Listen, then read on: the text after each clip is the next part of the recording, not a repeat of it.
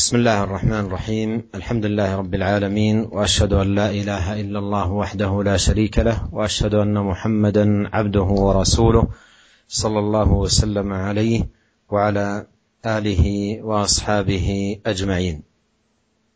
أما بعد هذه أيها الإخوة الكرام ترجمة جديدة في كتاب رياض الصالحين للإمام النووي رحمه الله تعالى بعنوان تحريم الكبر والإعجاب. وهي ترجمة معقودة للتحذير من هاتين الخصلتين الذميمتين. الكبر ويكون ذلكم برد الحق وعدم قبوله والتعالي على الخلق. كما يوضح ذلكم حديث نبينا عليه الصلاة والسلام عندما سئل عن الكبر فقال صلوات الله وسلامه عليه الكبر بطر الحق وغمط الناس وسيأتي عند المصنف رحمه الله تعالى. وأما الإعجاب أو العجب فهو أن يرى نفسه ويفخر بها. ويعجب بأعماله وأحواله وأمواله وغير ذلك. أورد رحمه الله تعالى اولا قول الله سبحانه وتعالى تلك الدار الآخرة نجعلها للذين لا يريدون علوا في الأرض ولا فسادا والعاقبة للمتقين. وهذه الآية الكريمة فيها وجاءت في سياق يتعلق بقارون الذي خسف الله سبحانه وتعالى به وبداره وأمواله الأرض وبيان ما صار إليه من العاقبة الوخيمة التي حلها الله سبحانه وتعالى به.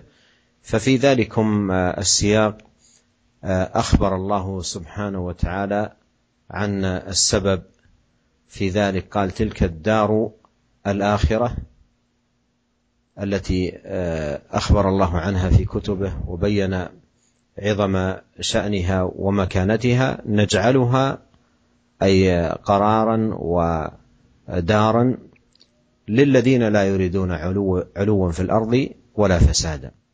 أي أنها إنما هي مختصة بمن كان كذلك. أي ليس لهم إرادة في الفساد والعلو والتكبر على عباد الله سبحانه وتعالى. ولا فسادا هذا يشمل جميع أنواع الفساد والوقوع في مساخط الرب سبحانه وتعالى. ثم ختم هذا السياق المبارك بقوله والعاقبة للمتقين أي الفلاح والنجاح والسعادة في الدنيا والآخرة إنما هي للمتقين دون غيرهم Bismillahirrahmanirrahim. Alhamdulillah. Segala puji bagi Allah Subhanahu wa taala, Rabb semesta alam. Aku bersaksi bahasanya tidak ada sesembahan yang berat disembah kecuali Allah, yang tidak ada sekutu baginya.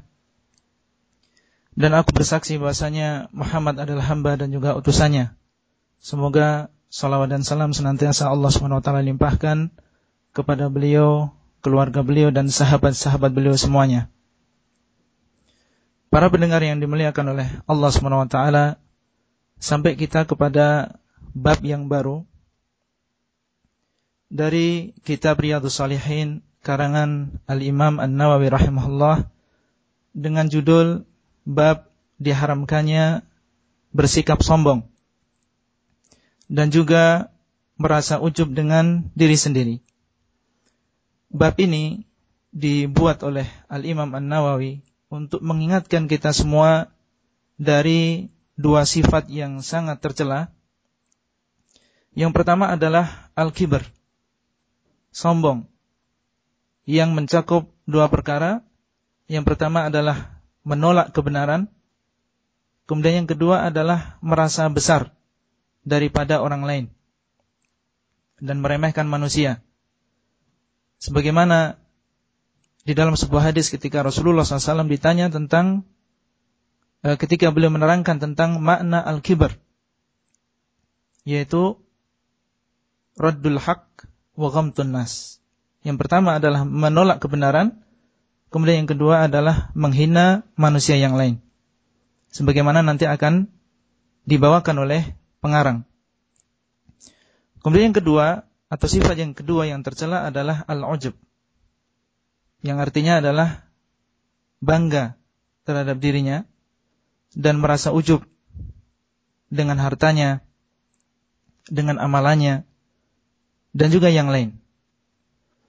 Kemudian Imam Nawawi di dalam bab ini membawakan ayat yang pertama yaitu firman Allah swt yang artinya negeri akhirat itu kami jadikan bagi orang-orang yang tidak menginginkan kesombongan di permukaan bumi dan juga tidak menginginkan kerusakan dan kesudahan yang baik adalah bagi orang-orang yang bertakwa. Surat Al-Qasas ayat ke-83.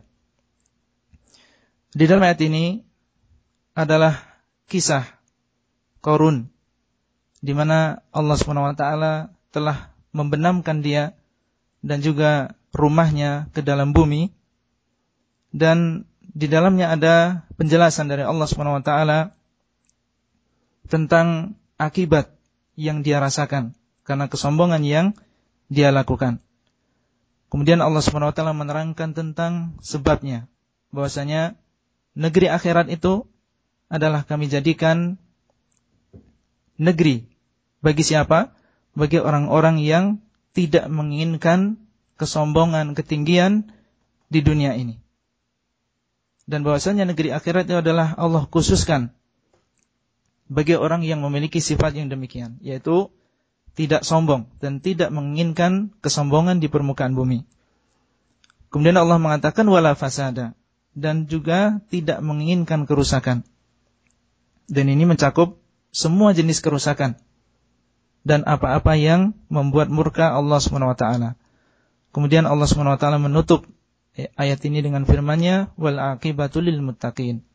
Dan akibat yang baik, kesudahan yang baik ini adalah bagi orang-orang yang bertakwa. Maksudnya adalah as-sa'adah, kebahagiaan yang di dunia dan juga di akhirat ini hanya dimiliki oleh orang-orang yang bertakwa. ثم أورد رحمه الله تعالى قول الله عز وجل ولا تمشي في الأرض مرحا أي لا تمشي فيها كبرا وتيها وتكبرا وتعاظما على عباد الله سبحانه وتعالى. ثم قال في السياق نفسه إنك لن تخرق الأرض ولن تبلغ الجبال طولا. أي إن تكبرت فلن تخرق آه، تخرق الأرض بتكبرك ولن تبلغ الجبال طولا. بل آه، أنت آه، مخلوق مخلوقات الله سبحانه وتعالى. عليك أن تعرف قدر نفسك وأن تحذر من التكبر والتعالي على عباد الله سبحانه وتعالى. فإن أهل التكبر لهم العاقبة الوخيمة والذل في الدنيا والآخرة والله لا يحب المتكبرين Kemudian firman Allah SWT yang kedua di dalam bab ini adalah firman Allah wala tamshi fil ardi maraha yang artinya janganlah kamu berjalan di atas permukaan bumi ini dalam keadaan sombong ya surat Al-Isra ayat yang ke-37 e, maksud dari maraha di sini adalah sombong dan merasa besar dibandingkan hamba-hamba Allah yang lain maksudnya sesungguhnya engkau adalah manusia biasa makhluk di antara makhluk-makhluk Allah taala bagaimanapun juga engkau tidak bisa menembus bumi dan juga tidak akan bisa menyamai gunung-gunung. Ya, oleh karena itu kewajiban engkau adalah e, bertawadhu yaitu merendahkan diri dan juga mengetahui kadar dirimu. Dan hendaklah engkau waspada dari berbuat sombong, bersikap sombong terhadap orang lain. Karena sesungguhnya orang yang berbuat sombong maka dia akan mendapatkan akibat yang tidak baik. Ya, dan dia akan mendapatkan adzul yaitu kehinaan di kemudian hari. Dan Allah SWT tidak menyukai orang-orang yang sombong. ثم أورد رحمه الله تعالى قول الله عز وجل ولا تصعر خدك للناس ولا تمشي في الأرض مرحا إن الله لا يحب كل مختال فخور. ومعنى تصعر خدك للناس أي تميله وتعرض به عن الناس تكبرا عليهم. والمرح التبختر. وهذه الآية الكريمة فيها التحذير من تصعير الخد للناس أي إمالته عبسا في وجوه الناس وعبوسا في وجوه الناس وتكبرا وتعاظما عليهم والتحذير من المشي في الأرض مرحا أي بطرا وفخرا وعجبا بالنفس.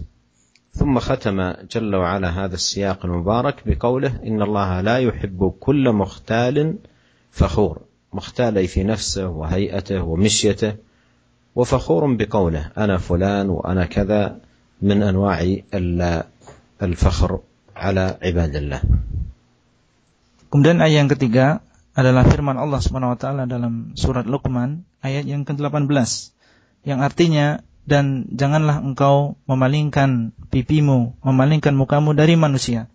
Dan janganlah engkau berjalan di atas permukaan bumi dengan sombong.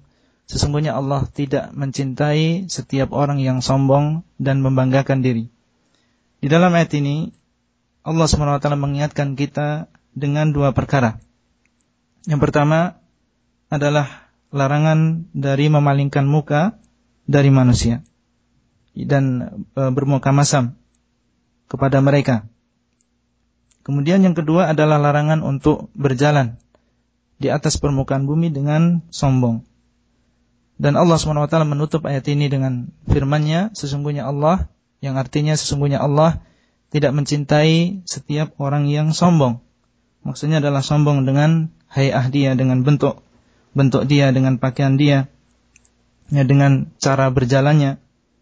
Dan juga kulla mukhtalin fakhur, yaitu setiap orang yang berbangga dengan dirinya. Bahasanya saya adalah demikian, saya memiliki demikian, saya mengamalkan demikian. Maka perkara ini adalah sesuatu yang tidak dicintai oleh Allah Subhanahu wa taala. ثم أورد رحمه الله تعالى قول الله عز وجل ان قارون كان من قوم موسى فبغى عليهم واتيناه من الكنوز ما ان مفاتحه لتنوء بالعصبه اولي القوه اذ قال لقومه إذ قال له قومه لا تفرح إن الله لا يحب الفرحين. إلى قوله تبارك وتعالى فخسفنا به وبداره الأرض الآيات.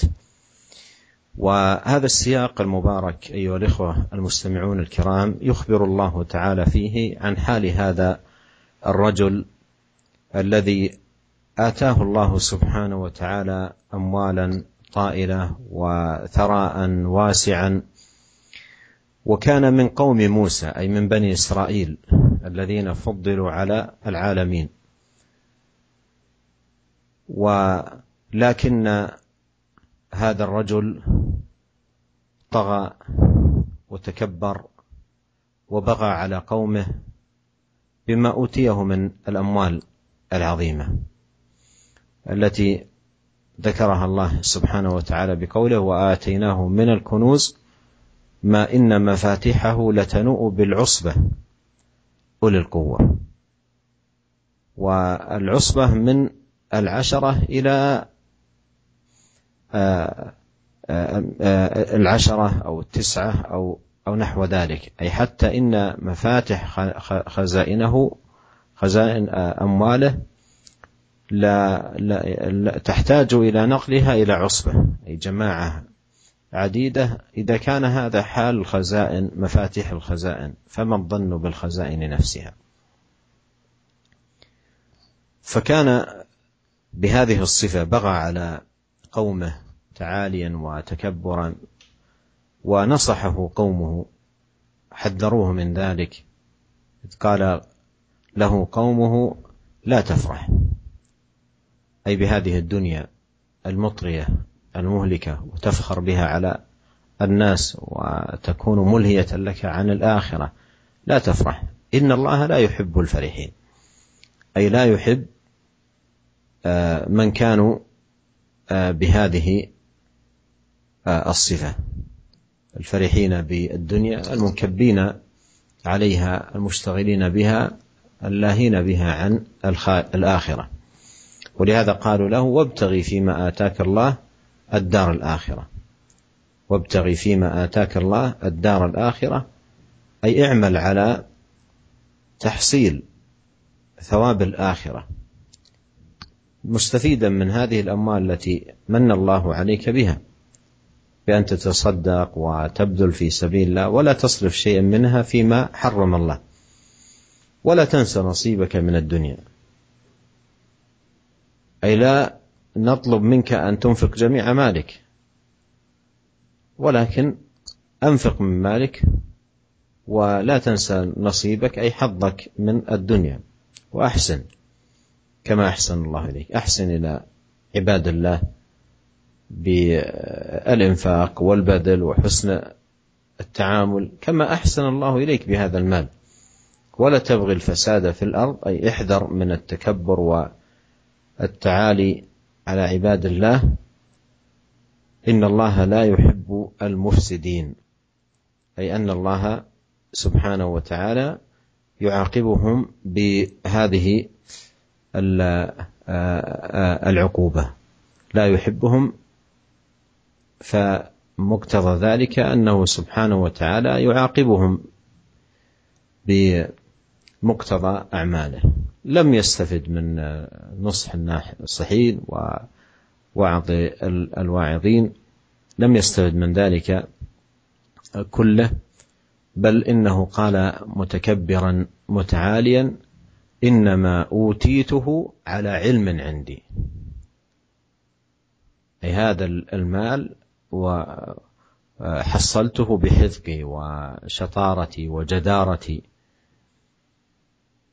أوتيته على علم عندي أي بوجوه التجارة وطرق الكسب. قال الله عز وجل أولم يعلم أن الله قد أهلك من قبله من القرون من هو أشد منه قوة وأكثر جمعا؟ أولم يعلم أن الله قد أهلك من قبله من القرون من هو أشد منه قوة وأكثر جمعا؟ أي ما المانع أيضا من إهلاكه كما أهلك من قبله؟ ممن كان عندهم أموال كثيرة وثراء واسع ولا يسأل عن ذنوبهم المجرمون أي بل يعاقبهم ويعذبهم سبحانه وتعالى. لم يستبد من وعظ الواعظين ونصح الناصحين فخرج أي يوم من الأيام في زينته أي متزينا متجملا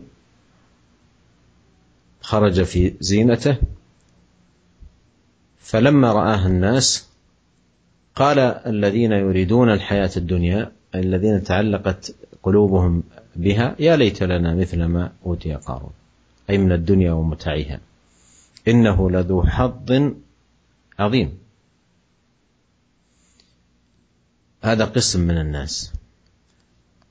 بينما من من الله عليه بالدراية والفهم والعلم فإنهم قالوا كما قال الله وقال الذين أوتوا العلم ويلكم. ثواب الله خير ويلكم. ثواب الله خير. قالوا لهم ذلك محذرين لهم من آه، الافتتان. والإعجاب بهذه الحال حال قارون. ويلكم ثواب الله خير لمن آمن وعمل صالحا. ولا يلقاها إلا الصابرون أي على طاعة الله وعن معاصيه سبحانه وتعالى. قال الله عز وجل فخسفنا به وبداره الأرض فما كان له من فئة ينصرونه من دون الله وما كان من المنتصرين وأصبح الذين تمنوا مكانه بالأمس يقولون وي كان الله يبسط الرزق لمن يشاء من عباده ويقدر لولا امن الله علينا لخسف بنا وي كانه لا يفلح الكافرون Kemudian Allah Subhanahu wa taala berfirman uh, di dalam surat Al-Qasas menceritakan tentang kisah Firaun. Yang artinya sesungguhnya Qarun adalah termasuk kaum Nabi Musa. Kemudian dia mendolimi kaumnya. Maka kami dan kami telah memberikan kepadanya perbendaharaan harta yang kunci-kuncinya terasa berat bagi orang-orang yang kuat. Ketika kaumnya berkata kepadanya, "Janganlah engkau berbangga diri. Sesungguhnya Allah tidak mencintai orang-orang yang berbangga diri." Surat Al-Qasas ayat ke-76 sampai uh, firman Allah Subhanahu wa taala, "Faqasafna bihi wa bidarihi al-ard." Maka kami benamkan dia dan juga rumahnya ke dalam tanah. Para pendengar yang dimuliakan oleh Allah Subhanahu wa taala, di dalam ayat-ayat yang mulia ini Allah Subhanahu wa taala mengabarkan kepada kita tentang kisah laki-laki ini yang bernama Qarun yang Allah taala telah memberikan anugerah kepadanya harta yang banyak. Dan Qarun adalah termasuk Bani Israel yang e, sebuah kaum yang telah Allah berikan mereka e, kelebihan di atas alam dan akan tetapi Qarun e, berbuat zalim kepada kaumnya dan sombong kepada mereka dengan harta yang telah Allah berikan kepadanya. Allah berfirman, "Wa atainahu minal kunuzi ma inna mafatihahu latanu'u bil usbati ulil quwwah. Allah menceritakan di sini bagaimana banyaknya harta Qarun. Ya, sehingga kunci-kunci dari harta-harta tersebut, perbendaran harta tersebut terasa berat bagi orang-orang yang kuat. Kalau kuncinya aja terasa berat, maka bagaimana dengan harta itu sendiri? Tentunya ini adalah harta yang tidak sedikit dan makna dari al-usbah adalah uh, jumlah 10, 9 dan juga yang semisalnya. Kemudian kaum Qarun berusaha untuk menasehati Qarun. Mereka mengatakan la tafrah. Janganlah engkau berbangga diri. Sesungguhnya Allah Subhanahu wa taala tidak menyukai orang yang berbangga diri. Janganlah berbangga diri dengan dunia yang menghancurkan, yang melalaikan manusia. Karena sungguhnya Allah Subhanahu wa taala tidak menyukai, tidak mencintai orang yang berbangga diri, tidak mencintai orang yang memiliki sifat seperti ini. Kemudian Allah Subhanahu wa taala mengatakan Innallaha la yuhibbul farihin. Sesungguhnya Allah tidak mencintai orang-orang yang berbangga diri. Akan tetapi Qarun tidak bisa ya memberikan atau tidak bisa mengambil manfaat dari apa yang telah dinasihatkan kepadanya. Kaumnya berkata, "Wabtaghi fima atakallahu daral akhirah." Dan carilah dari apa-apa yang Allah berikan kepadamu berupa harta dunia, kebahagiaan negeri akhirat. Wala tansa nasibaka minad dunya. Dan janganlah engkau melupakan bagianmu dari dunia. Artinya disuruh korun ini untuk mencari dari harta yang Allah berikan kepadanya ganjaran, sawab dari Allah Subhanahu wa taala, memanfaatkan hartanya untuk mendapatkan pahala akhirat. Dan Allah tidak meminta darinya semua hartanya wala tansa nasibaka minad dunya. Artinya hanya sebagian saja yang diinfakkan dan tidak semuanya. Wa ahsin dan berbuat baiklah kepada orang kepada hamba-hamba Allah kama ahsanallahu ilaik sebagaimana Allah SWT telah berbuat baik kepadamu ya dengan memberikan anugerah yang besar ini wala tabghil fasada fil ard. Dan janganlah engkau mencari kerusakan di permukaan bumi yaitu berbuat takabur sombong kepada hamba-hamba Allah SWT innallaha la yuhibbul mufsidin. Sungguhnya Allah tidak mencintai orang-orang yang berbuat kerusakan. Dan bahwasanya Allah Subhanahu wa taala akan mengikab ya akan mengganjar mereka dengan amalannya. Akan tapi sekali lagi Qarun tidak bisa mengambil istifadah, tidak bisa mengambil manfaat dari nasihat yang diberikan kepadanya. Dia malah mengatakan innama utituhu ala ilmin indi.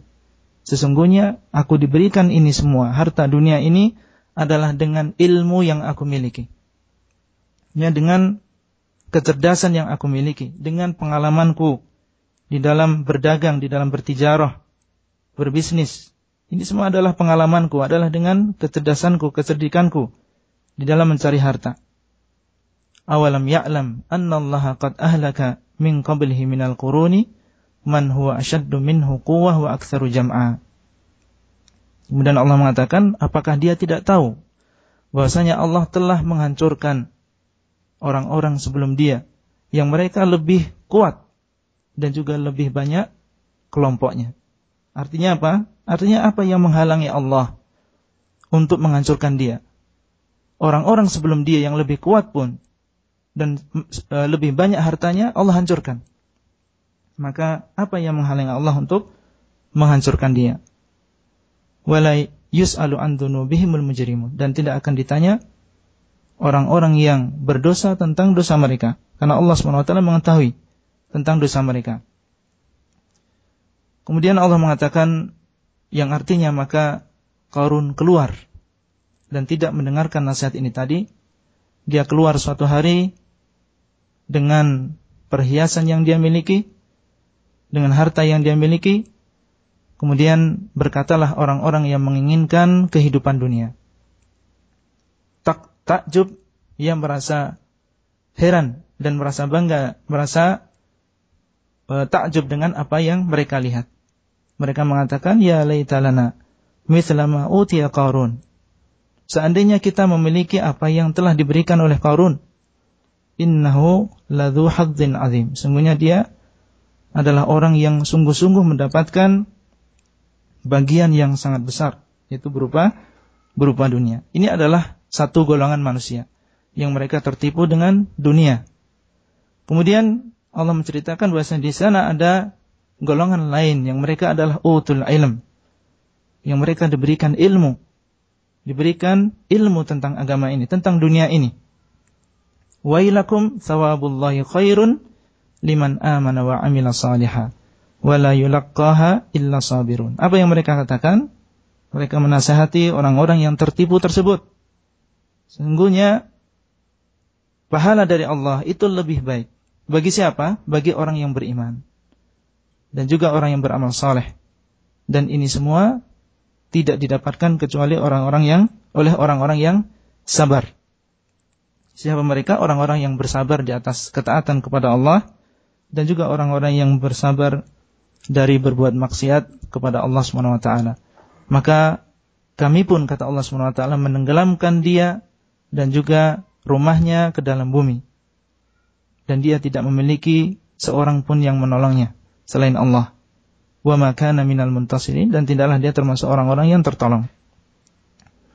Kemudian Allah mengatakan yang artinya dan jadilah orang-orang yang kemarin menginginkan apa yang diberikan oleh Qarun berupa harta, mereka mengatakan seandainya Allah SWT sesungguhnya Allah SWT meluaskan rezeki bagi siapa yang dikehendaki dari hamba-hambanya. Wa yaqdir dan juga menyempitkan rezeki bagi yang lain. Sungguh seandainya Allah SWT tidak memberikan anugerah kepada kami, kepada kita, niscaya Allah akan membenamkan kita ke dalam bumi. Wa ka'annahu la yuflihul kafirun. Sungguh tidak akan uh, uh, jaya, tidak akan beruntung orang-orang yang berbuat kufur, ingkar kepada Allah Subhanahu wa taala. ثم أورد النووي رحمه الله تعالى حديث عبد الله بن مسعود رضي الله عنه عن النبي صلى الله عليه وسلم قال لا يدخل الجنة من كان في قلبه مثقال ذرة من كبر. فقال رجل إن الرجل يحب أن يكون ثوبه حسنا ونعله حسنة. قال إن الله جميل يحب الجمال. إن الله جميل يحب الجمال. الكبر بطر الحق وغمط الناس رواه مسلم. قال بطر الحق دفعه ورده على قائله وغمط الناس احتقارهم. وهذا الحديث فيه الوعيد الشديد للمتكبر وأن المتكبر لا يدخل الجنة بل يحرم من دخولها. والكبر لا يخلو من حالتين. إما أن يكون كبرا على الحق الذي هو دين الله وتوحيده الذي خلق الله الخلق لأجله فيتكبر على الحق الذي بعث الله به أنبياءه ورسله ويكون كارها مبغضا للحق الذي بعثوا به. فهذا كفر ناقل من الملة. قال الله عز وجل ذلك بأنهم كرهوا ما أنزل الله فأحبط أعمالهم. أو أن يكون كبرا على الخلق. ان يستكبر على عباد الله عز وجل. ويكون قوله لا يدخل الجنة في حق هذا القسم القسم الثاني أي دخولا أوليا. بل أمره إلى الله إن شاء عذبه وإن شاء سبحانه وتعالى عفى عنه. الشاهد أن الحديث فيه تحذير شديد من الكبر. والصحابة رضي الله عنهم قالوا للنبي عليه الصلاة والسلام إن الرجل يحب أن يكون ثوبه حسنا ونعله حسنة. أي هل يدخل هذا في الكبر؟ فبين عليه الصلاة والسلام أن ذلك لا يدخل في الكبر بل إن الله جميل يحب الجمال ثم بين لهم حقيقة الكبر وأنها تتلخص في أمرين بطر الحق وغمط الناس. بطر الحق كما قال المصنف دفعه ورده عدم قبوله وغمط الناس أي احتقارهم وازدراءهم والتعالي عليهم. Kemudian Al-Imam An-Nawawi membawakan, membawakan hadis Abdullah bin Mas'ud. Semoga Allah meridai beliau.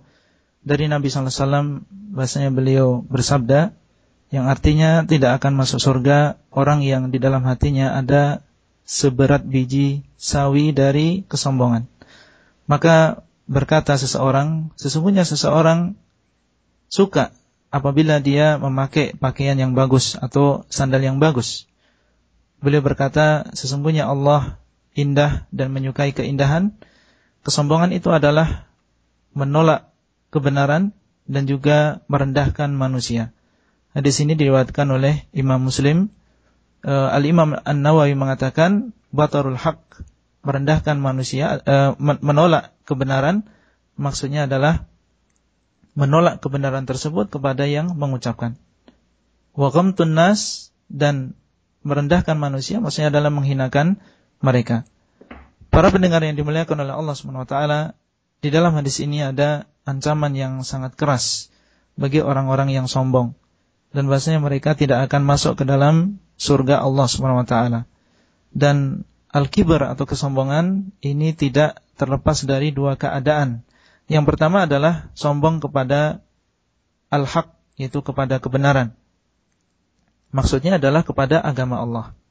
Sombong terhadap agama Allah, sombong terhadap tauhid yang Allah SWT telah menciptakan manusia untuk bertauhid. Dia membenci dan juga yakrah, yang membenci tauhid dan juga agama Allah SWT.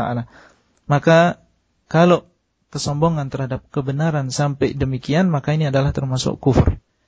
Ya, termasuk kekufuran yang bisa mengeluarkan seseorang dari agama sebagaimana firman Allah bi annahum karihu ma anzalallah fa ahbata a'malahum. Yang demikian itu karena mereka membenci apa yang Allah turunkan sehingga Allah menghapuskan amalan-amalan mereka. Kemudian al-kibr yang kedua atau kesombongan yang kedua adalah kesombongan kepada manusia yang lain, kepada hamba-hamba Allah yang lain. Maka kalau yang dimaksud adalah kibr terhadap hamba-hamba Allah yang lain, maksud dari la yadkhulul jannah, maksud dari tidak masuk surga di sini adalah tidak masuk surga di awalnya. Ya tidak masuk surga di awalnya. Akan tapi kalau Allah mengendaki, Allah mengadabnya. Dan kalau Allah mengendaki maka Allah akan memaafkan dia. Syahid dari hadis ini bahasanya di dalamnya ada peringatan keras bagi kita semua untuk bersikap sombong. Ya entah itu sombong kepada kebenaran maupun sombong kepada hamba-hamba Allah yang yang lain. Kemudian seorang sahabat bertanya, "Ya Rasulullah, sesungguhnya seseorang suka apabila pakaiannya bagus dan juga sandalnya bagus. Artinya apa? Apakah suka apabila pakaiannya bagus dan juga sandalnya bagus ini termasuk kesombongan? Maka beliau mengatakan, sesungguhnya Allah indah dan menyukai keindahan. Artinya apa? Artinya ini semua bukan termasuk kesombongan. Tapi apa yang dimaksud dengan kesombongan? Kesombongan itu adalah batarul haq, yaitu menolak kebenaran dan juga merendahkan manusia manusia. ثم أورد المصنف رحمه الله تعالى حديث سلمة ابن الأكوع أن رجلا أكل عند رسول الله صلى الله عليه وسلم بشماله فقال كل بيمينك قال لا أستطيع قال لا استطعت ما منعه إلا الكبر فما رفعها إلى فيه رواه مسلم. وهذا الحديث أيضا فيه التحذير من الكبر الذي يترتب عليه رد الحق وعدم قبوله. فهذا الرجل الذي أكل عند النبي عليه الصلاة والسلام أكل بشماله. فنهاه عن ذلك عليه الصلاة والسلام كل قال كل بيمينك. وجاء في حديث آخر أن النبي صلى الله عليه وسلم قال إذا أكل أحدكم فليأكل بيمينه فإن الشيطان يأكل بشماله ويشرب بشماله. وهذا يفيد أن الشيطان له يمين وشمال وأنه يأكل ويشرب وأن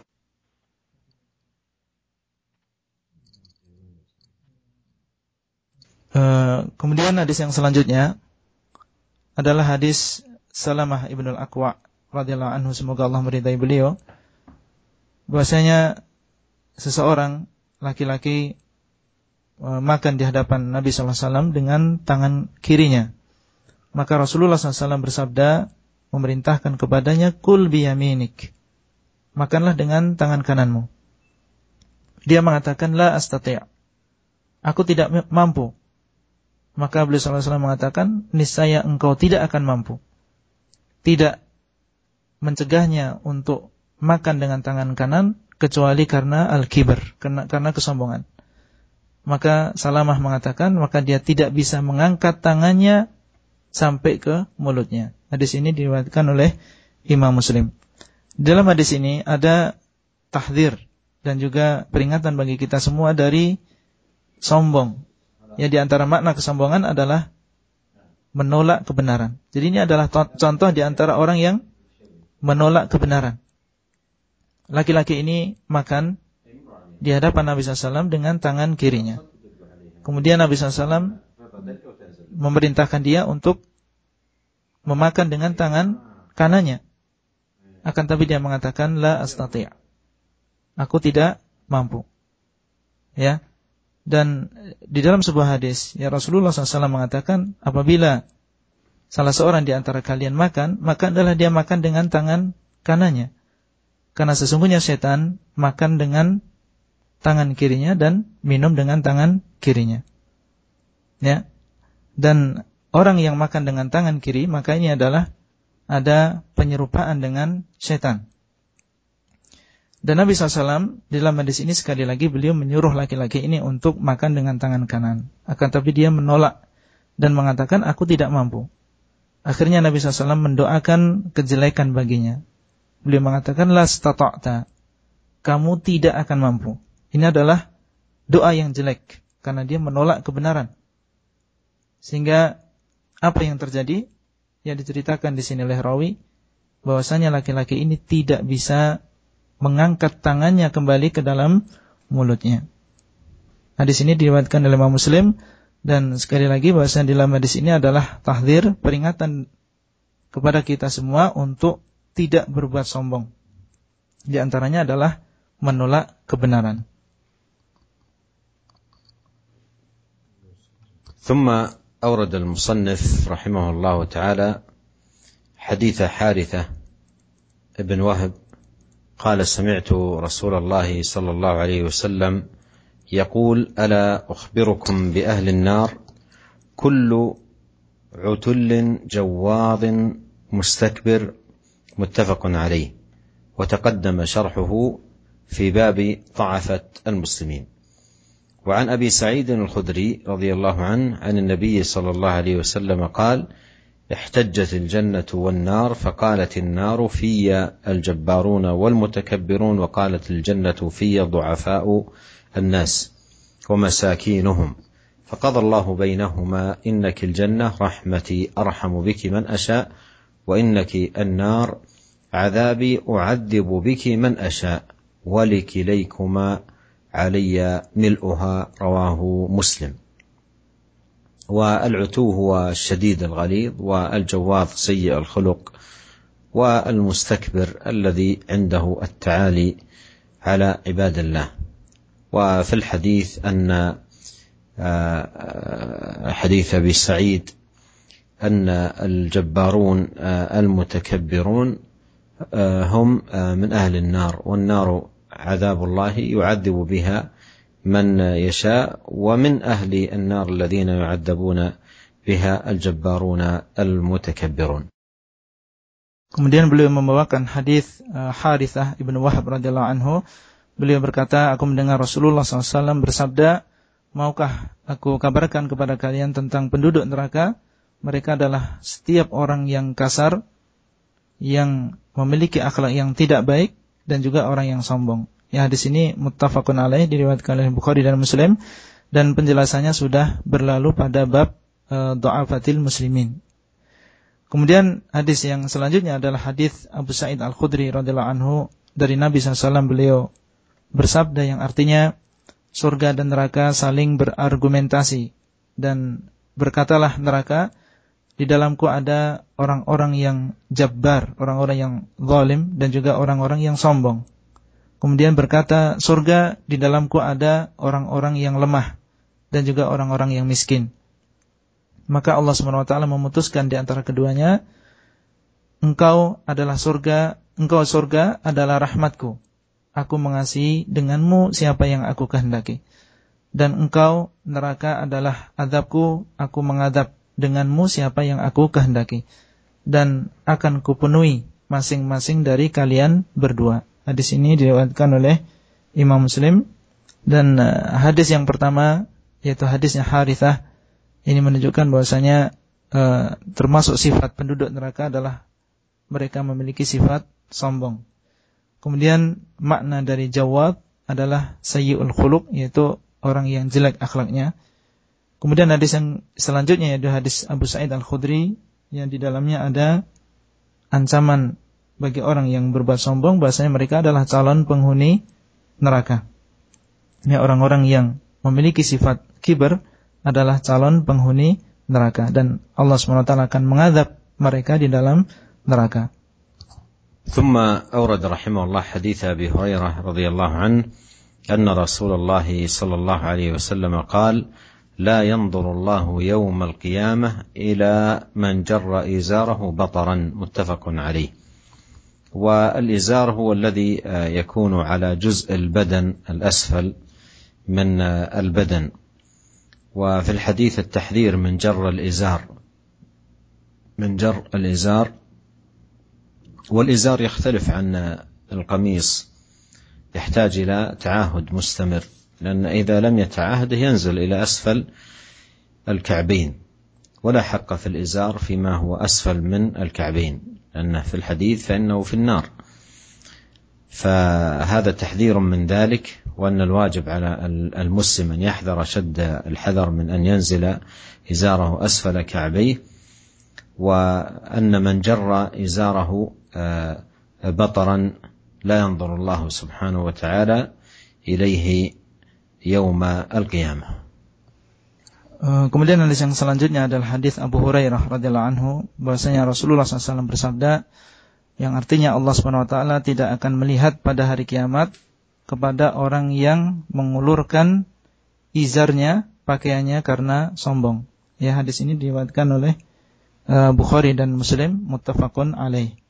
Uh, di dalam hadis ini para pendengar yang dimuliakan oleh Allah Subhanahu wa taala adalah peringatan bagi kita semua dari mengulurkan pakaian karena sombong. Ya.